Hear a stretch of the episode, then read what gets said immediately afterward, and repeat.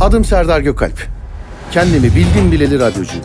Yüzlerini bilmediğim binlerce kişiyle tanıştım. Daha çok telefon şakalarımla bilindim. Elbette ki bir sürü insan şakalarım sayesinde gülüp eğlenmiştir.